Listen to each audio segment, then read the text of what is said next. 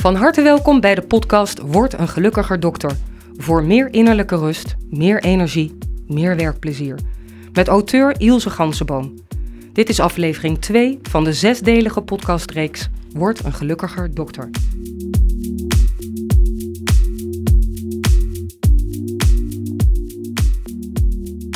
Van harte welkom Ilse. Dankjewel Marielle. Dit is uh, aflevering 2 en vandaag gaan we het hebben over uh, persoonlijk leiderschap, maakt je autonomer Mhm. en terugkijken om vooruit te komen. Ja.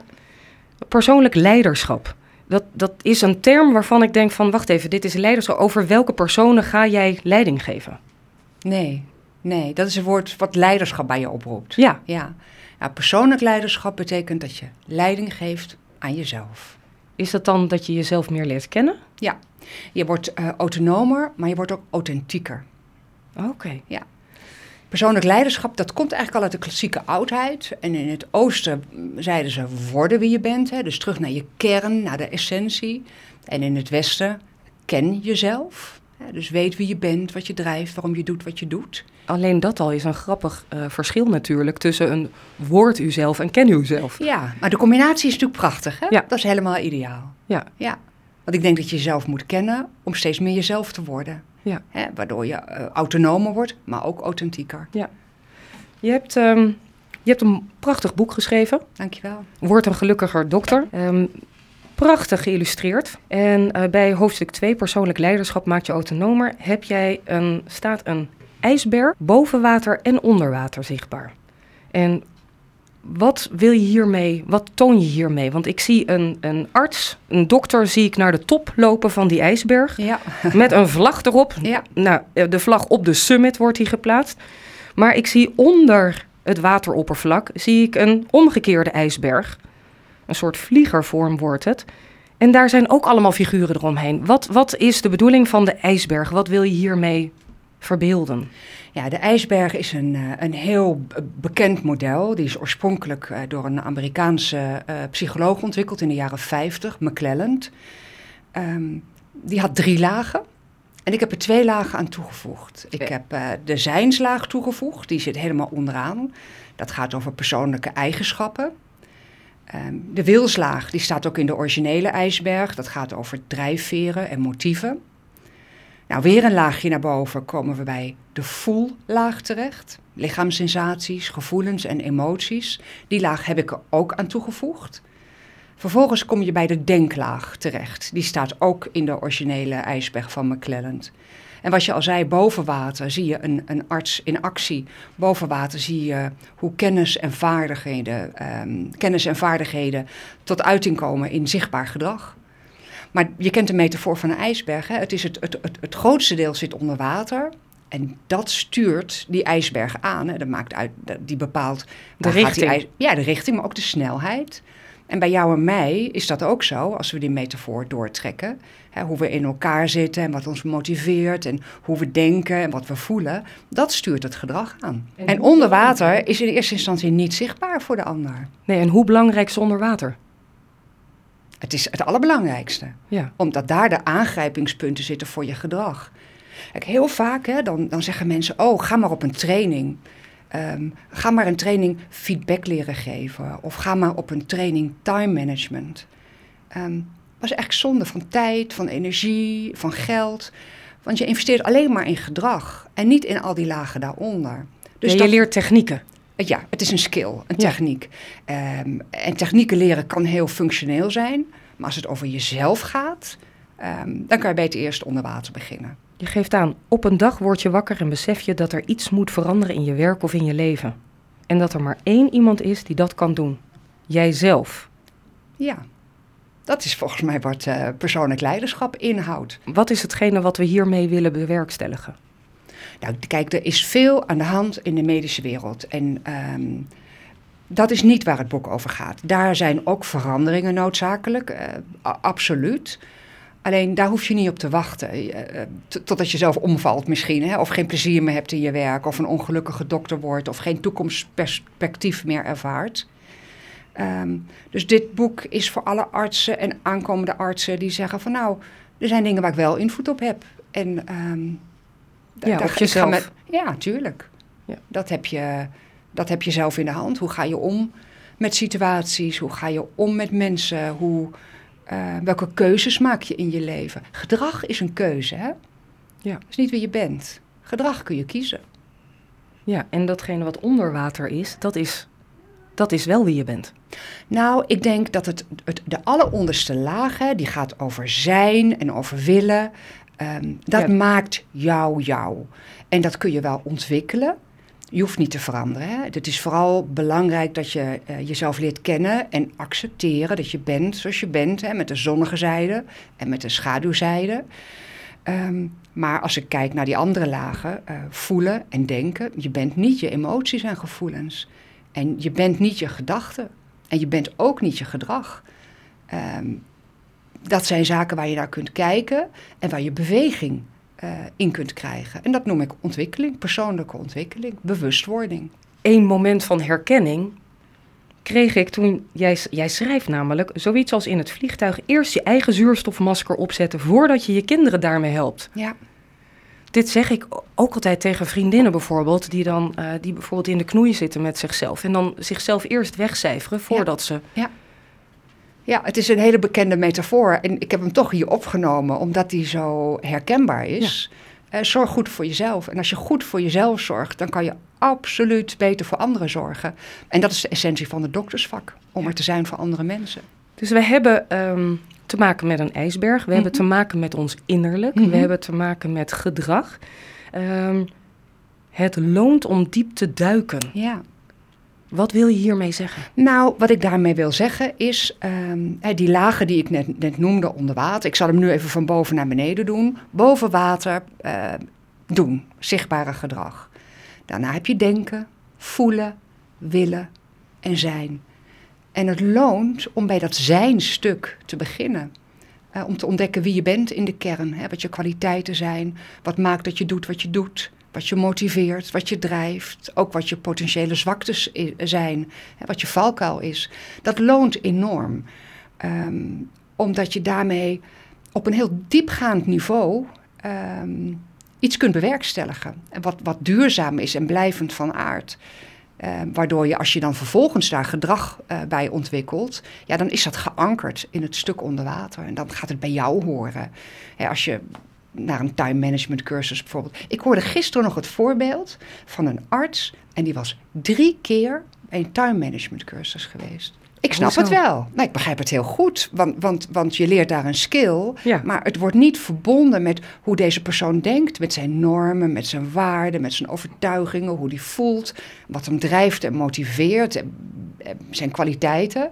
Dus het is, ehm, het is useless eigenlijk. Het is echt zonde van zijn tijd en van zijn geld en van zijn energie. Want het beklijft niet. Nee, Het want is dat niet is dus. geïntegreerd. Ja, dat is niet verankerd. Exact. Dat past dus blijkbaar niet bij je. Nee, nou kijk, het, het, het maakt wel heel duidelijk eh, dat deze persoon, en hij is niet alleen hoor, eh, worstelt met de tijdsdruk, met de registratielast, met de enorme ehm, ja, eh, druk.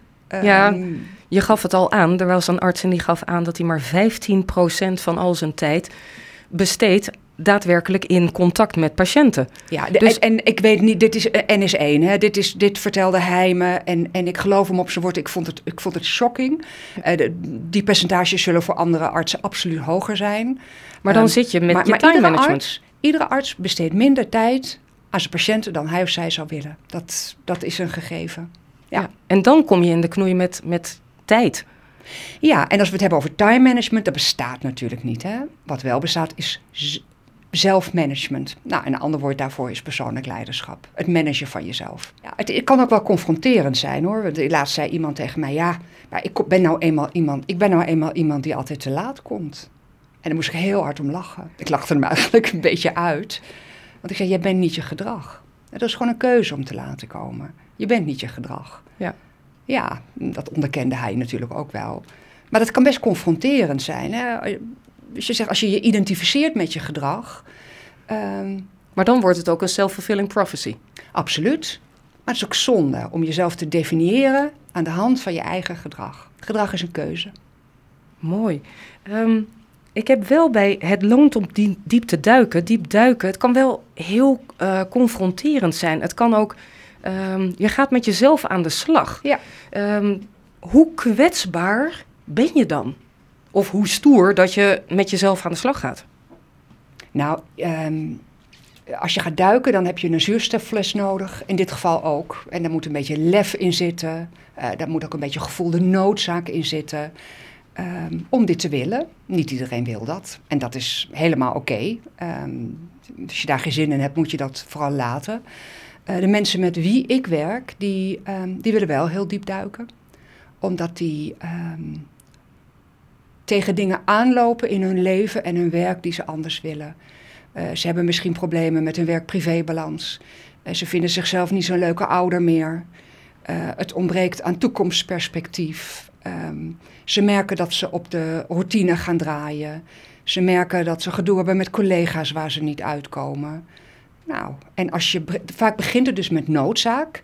Maar vervolgens is het ook heel belangrijk om dan de ideale, schets, ideale situatie te schetsen die je wil bereiken. Dus dat er ook een soort verlangen komt van oké, maar hoe zou je het dan willen hebben? dus een soort toekomstperspectief waar je naartoe kan werken. En het klopt absoluut wat je zegt. Uh, ik zeg dat ook altijd uh, als ik met mensen ga werken. Uh, je zult dingen tegenkomen die je lastig vindt. Je zult weerstand ervaren. Maar het leuke is, in de weerstand die je tegenkomt, die je ervaart, daar zit de beweging. Mag ik daar een voorbeeld van geven? Ja, ja graag. Ja, we hebben uh, in onze leergang uh, hebben we ook een onderdeel zitten. En dat gaat van uh, uit je hoofd in je lijf. en de essentie daarvan is dat je dat drukke hoofd, dat slimme hoofd, dat overactieve hoofd even stilzet. En dat je gaat luisteren naar je lichaam. En deze dame die, die zei ook, ik ben een hoofd op pootjes. En toen we dit onderdeel deden, uit je hoofd in je lijf, één en al weerstand. Maar ze had gehoord wat ik zei. In de weerstand, daar zit, daar zit informatie, daar zit je on ontwikkelvermogen. En ze ging daar vol in. Uh, en dat vind ik ja, bijzonder gaaf. Uh, om, om, dat gewoon aan te gaan en te kijken, goh, wat betekent dit, dit, dit, dit voor mij? En wat ze deed, ze stapte uit haar, uh, uit haar comfortzone. Haar comfortzone was haar hoofd. Met controle. Controle, hoofd, zo gaan we het doen. En in deze uh, workshop werd ze uitgenodigd om haar eigen lijf te gaan voelen. In een en, veilige omgeving? Een hele veilige omgeving, nee, absoluut. Dat, daar zorgen we voor. Maar het was wel confronterend, maar daar, heeft ze, daar is een enorme beweging en bewustwording uit ontstaan. Waardoor deze um, specifieke dokter uh, beter slaapt, uh, minder piekert. Um, en veel meer thuis de boel, de boel kan laten. En dat kan zijn voor haar drie jonge kinderen. Ja, want deze dokter zelf zegt dus: Ik ben een hoofd op pootjes. Ik ja. zie dan een tekening voor me, zoals kleine kinderen dat ja. maken: een hoofd ja. op pootjes. Ja. Zij durft de confrontatie aan te gaan. Absoluut. Eigenlijk, als ik het mag schetsen als een confrontatie. Het, het was een confrontatie. Ja, want ze is al jarenlang werkt ze op de manier zoals ze werkt. En nu gaat ze dus de confrontatie met zichzelf aan en doorbreekt muren. Ja. Kan ik dat zo? Ja, zeker. En is dat niet interessant? Een, een arts die bij uitstek werkt met het lichaam van een andere persoon. Ja. Dus, dus hoe belangrijk is het? Daarom uh, heet ons, uh, ons opleidingsinstituut heet de hele dokter. Want die hele dokter heeft niet alleen een hoofd. Die heeft zelf natuurlijk ook een lichaam dat informatie geeft. Heeft gevoelens, heeft emoties, heeft gedachten. Uh, en als je dat kent, en in dit geval van deze dokter haar eigen lichaam kent en, en, en daar, dat lichaam serieus neemt, het kan niet anders dan dat dat effect heeft op hoe zij met haar omgaat. Ja, want... Met haar patiënten omgaat, excuus, met haar ja. patiënten omgaat. Ja, en niet alleen met haar patiënten, denk ik. Want uh, een, een hoofd op pootjes, dat, dat, nou ja, dat ben je, mag ik dus niet zeggen, maar zo gedraag je je dus. Absoluut. Maar dat doe je natuurlijk niet alleen in je werkomgeving. Tuurlijk niet. Nee, dat doet ze thuis ook. Ja. Ja, dat is echt iemand die richting burn-out ging. Dus als, ik nu haar, als wij haar nu zouden vragen van... Goh, teken jezelf, dan tekent ze nu een hoofd, een lichaam en pootjes en armpjes. Ja. Ik, een volledig daar, zijn. Daar, daar ben ik echt van overtuigd, ja. Toch een hele dokter. Een hele dokter. Maar ja. dat, dat is de bedoeling natuurlijk, ja. hè? Ja. Ja. ja. Want uh, je geeft daarbij ook aan om uh, met, aan de hand van dit boek... Mm -hmm. uh, om jezelf beter te leren kennen en te begrijpen. Dus het gaat over karakter, het gaat over normen, waarden, drijfveren. Mm -hmm. um, geeft dat, wat, wat geeft dat, die kennis? Geeft dat meer zelfvertrouwen? Wat?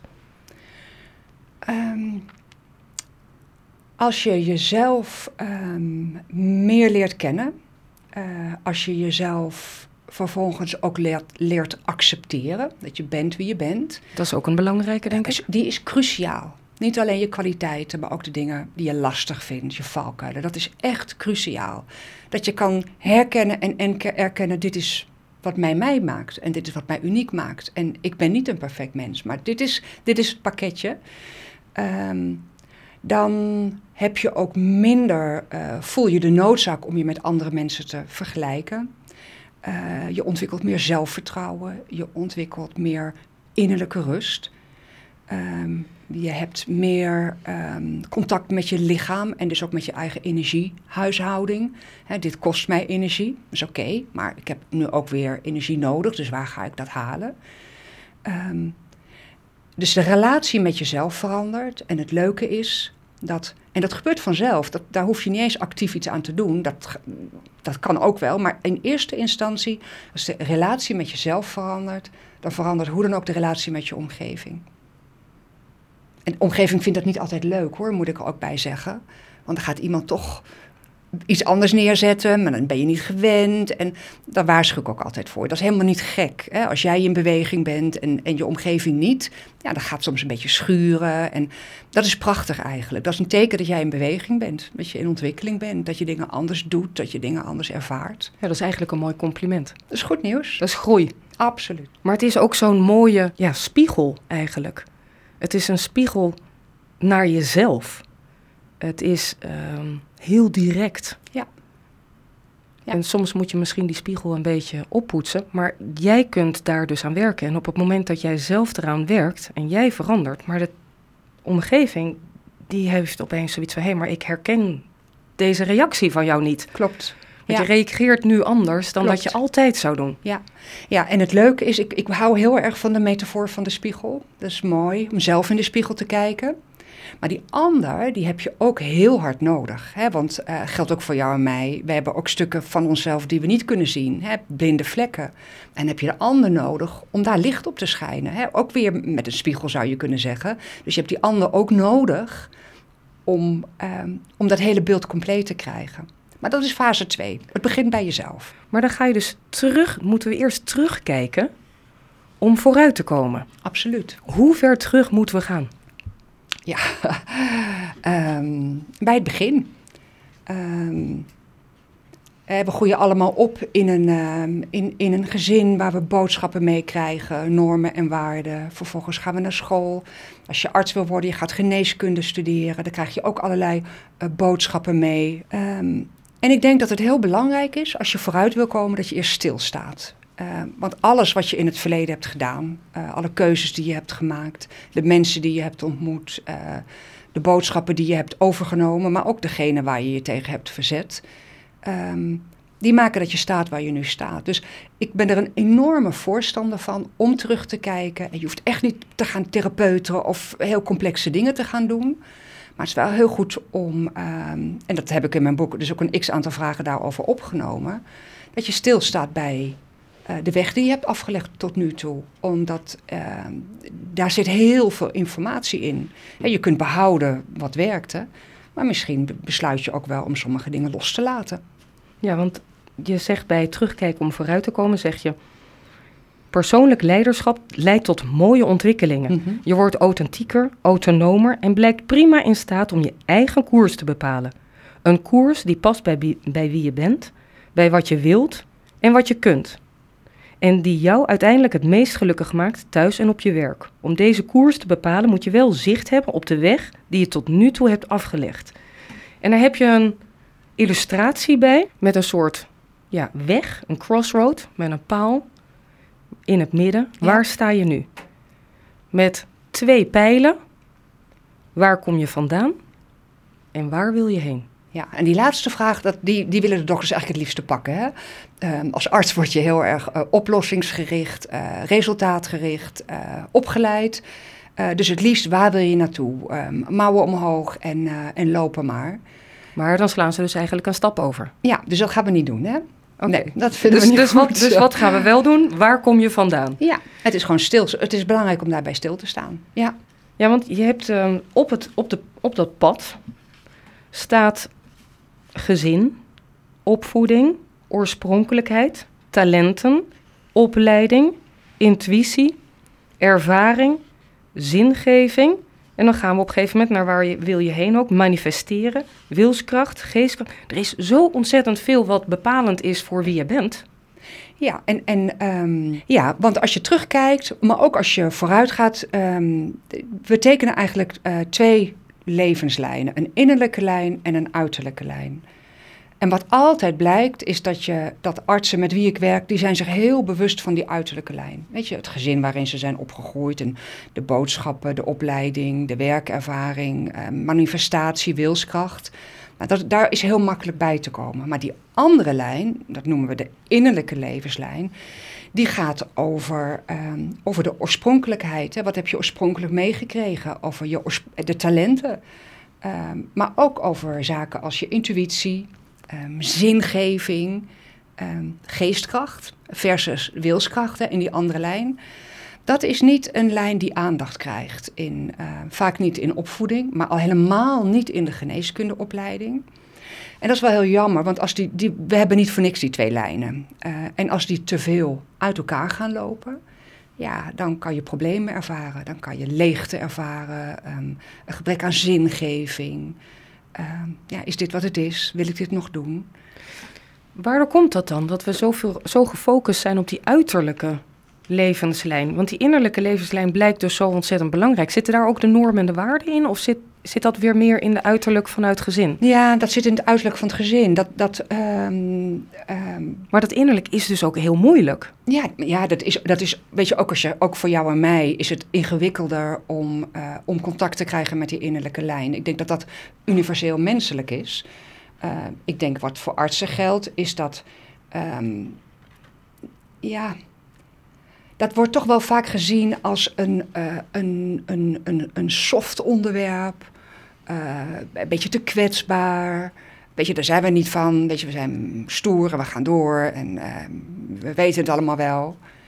Um, maar, maar toch, die innerlijke lijn is belangrijk, want dat maakt wie je bent. En als jij bijvoorbeeld prachtige talenten hebt, die je gewoon mee hebt gekregen, en, en daar, daar word je niet op aangesproken, je kunt ze niet inzetten. Nou, reken maar dat dat wat doet. dus ja, het is, een, um, het is een minder concrete lijn. Het is een, een, een, een minder grijpbare lijn. Maar hij is belangrijk. Ja, er staat bijvoorbeeld oorspronkelijkheid. Mm -hmm. Blijf vooral jezelf. Er zijn anderen genoeg. Ja, dat vind ik een hele mooie. Ja. Maar dat is natuurlijk ook best lastig. Um, blijf vooral jezelf. Er zijn anderen genoeg. Omdat we wel natuurlijk mensen zijn. En, en ja, we komen in een hokje, om het zo te zeggen, waar bepaalde normen en waarden gelden, waar bepaalde ja, regels, uh, mores gelden, bij wijze van spreken. Dus dat is best lastig, denk ik, om, nou ja, je gaf het zelf al aan in, in een vorige aflevering. Het duurt ongeveer drie weken voordat een nieuw persoon, die mm -hmm. wordt opgeleid door een, een hogere dokter, bij wijze van spreken, om het zo te zeggen. Ik mhm, weet niet of ik mhm. dat op de juiste nou, door een opleider of door een gevestigde specialist, ja. ja. Drie weken om bepaalde eigenschappen en bepaalde uh, gedragingen over te nemen. Klopt. Dus dan is het inderdaad, die innerlijke levenslijn met oorspronkelijkheid, blijf vooral jezelf, er zijn anderen genoeg, is best lastig. Ja, dat klopt. En daarom is het zo belangrijk om onder water te duiken en te kijken uh, hoe je denkt Um, hè, dus wat je normen zijn, wat je waarden zijn, wat je overtuigingen zijn, welke van jou zijn. Ja. En welke eigenlijk niet meer van jou zijn, die niet meer kloppen. Die heb je misschien overgenomen. Misschien is het tijd om die los te laten. Maar ook, ook uh, om je gevoelens serieus te nemen en je emoties serieus te nemen. Dus um, als je dat durft, dat, die duik onder water, dan kom je absoluut meer in contact met die innerlijke levenslijn. En die innerlijke levenslijn, nummer vier, had je zingeving en geestkracht. Ik maak een verschil voor mijn patiënten, dat voel ik echt zo. Dat zal intrinsiek de eerste reden zijn geweest waarom iemand arts is geworden. Jazeker. Ja. ja, mensen willen helpen. Ja. Maar, maar niet iedereen voelt het nog steeds. Ja. Er zijn dus ook sleutelmomenten. Er zijn van die momenten dat je iemand tegenkomt dat je denkt, dit is mijn keuze. Dus een soort van idool, kan dat zijn een rolmodel, waardoor jij denkt, hé, hey, wacht eventjes. Hier, daarom word ik arts. Ja, we, hebben, we, hebben het over terugkijken om vooruit te komen. En, en dan is het ehm, eh, zinvol om stil te staan bij die sleutelmomenten. Uh, daar zit informatie in. Waarom heb ik gedaan, uh, waarom, ben, waarom ben ik eigenlijk geneeskunde gaan studeren? Hè, waarom ben ik eigenlijk deze specifieke richting ingegaan? Je ziet het heel vaak in families. Klopt, ja. Ja, klopt. Ja. Maar ga maar eens aan een arts vragen of hij zijn kinderen of haar kinderen um, zou adviseren om arts te worden. Ja, ga maar eens onderzoeken. Ga maar eens voor een zaal met 100 uh, artsen staan. Hoeveel artsen denk jij dat hun vinger opsteken? Ja, nu met deze druk en met het gegeven van de enquêtes, met de werkdruk, denk ik dat ik, als ik zeg de helft. Nou, dan zit je dat ruim. Ik, dan zit ik al ruim ja, waarschijnlijk. Absoluut, ja. En dat is natuurlijk zonde, want we hebben dokters echt heel hard nodig. Absoluut. En Ja. die er op de juiste manier insteken. En dat ze hun werk-privébalans ook, ja, dat daar balans is. Ja, En dat absoluut. ze ook gelukkig zijn. Gelukkiger. Gelukkiger dan ze, dan ze, dan ze nu zijn. Ja. Want je, hier is bijvoorbeeld een sleutelmoment van Barbara. Barbara krijgt op haar achtste tijdens een vakantie in Indonesië een acute blinde darmontsteking. Eenmaal geopereerd weet ze het zeker. Als ik later groot ben, dan word ik dokker, dokter. Dat is natuurlijk zo'n moment eigenlijk.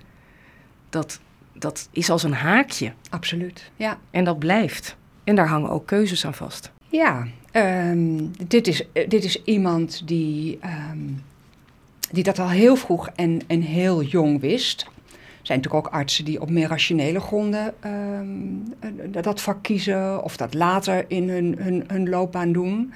Ehm, wat je motivatie eh, ook is destijds, was destijds. Ehm, hoe hou je motivatie vast? Hoe blijf je het leuk vinden? Hoe blijf je het interessant vinden? Hoe blijf je het zinvol vinden? Het interessante van ehm, als je medisch specialist bent of huisarts, en dat is wel bijzonder, je begint in je eindfunctie. Hè, Ja. je, hier, je wordt opgeleid, dit is wat je doet en dit blijf je de rest van je leven doen. Er zijn Hele artsen die lange opleiding. Een Hele- hele lange opleiding. Ehm, maar goed, ook artsen komen dan vragen tegen. Hè? Is, is dit wat ik wil? Of ehm geeft me dit nog voldoening? Of heb ik de juiste keuzes gemaakt? En als je dan voor kiest om stil te staan en te kijken wat, wat wil ik gaan doen, is het zinvol om terug te kijken. Hè? Wat maakt dat ik deze keuzes heb gemaakt? Wat maakt dat ik deze afslag heb genomen? En dat kan best oncomfortabel voelen hoor. Het is natuurlijk ook confronterend. Hè? Die spiegel hebben we daar weer. Ehm, maar als je erin wil kijken, daar zit, daar zit belangrijke informatie in. Ja, en kan daarna natuurlijk ook weer zo zijn dat die, die intrinsieke, die eerste motivatie, dat die weer naar boven komt. Dat is- Ondanks alle complexiteit die er nu heerst eh, in de gezondheidszorg, kan door teruggaan naar je innerlijke en je uiterlijke levenslijn, of eigenlijk dat innerlijke levenslijn, die intrinsieke motivatie kan daarmee weer naar boven komen. Ja, wat ik een heel mooi voorbeeld eh, vind, eh, is misschien een heel simpel voorbeeld, eh, maar dat gaat over een arts die gaat nu twee maanden per jaar, in het voorjaar en in het najaar, gaat hij een maand naar Indonesië om te opereren. En dat maakt alle verschil voor hem. Waardoor hij ehm, het werk wat hij doet en waar ook een zekere mate van, hoe zeg je dat nou, ehm, automatisme in zitten. ehm, en een soort, ik durf het bijna niet te zeggen, maar een soort saaiheid zit in sommige van de handelingen. Dit maakt alles goed. Hè, opdat hij daar ehm, kan doen wat hij doet en een enorme bijdrage levert.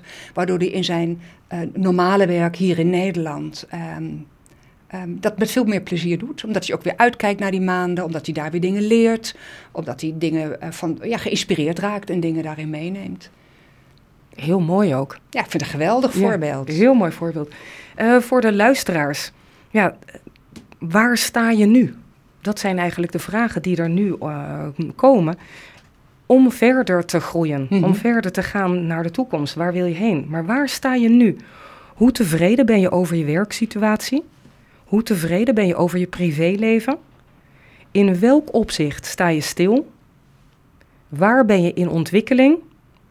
En wat is op dit moment je dilemma of je vraag?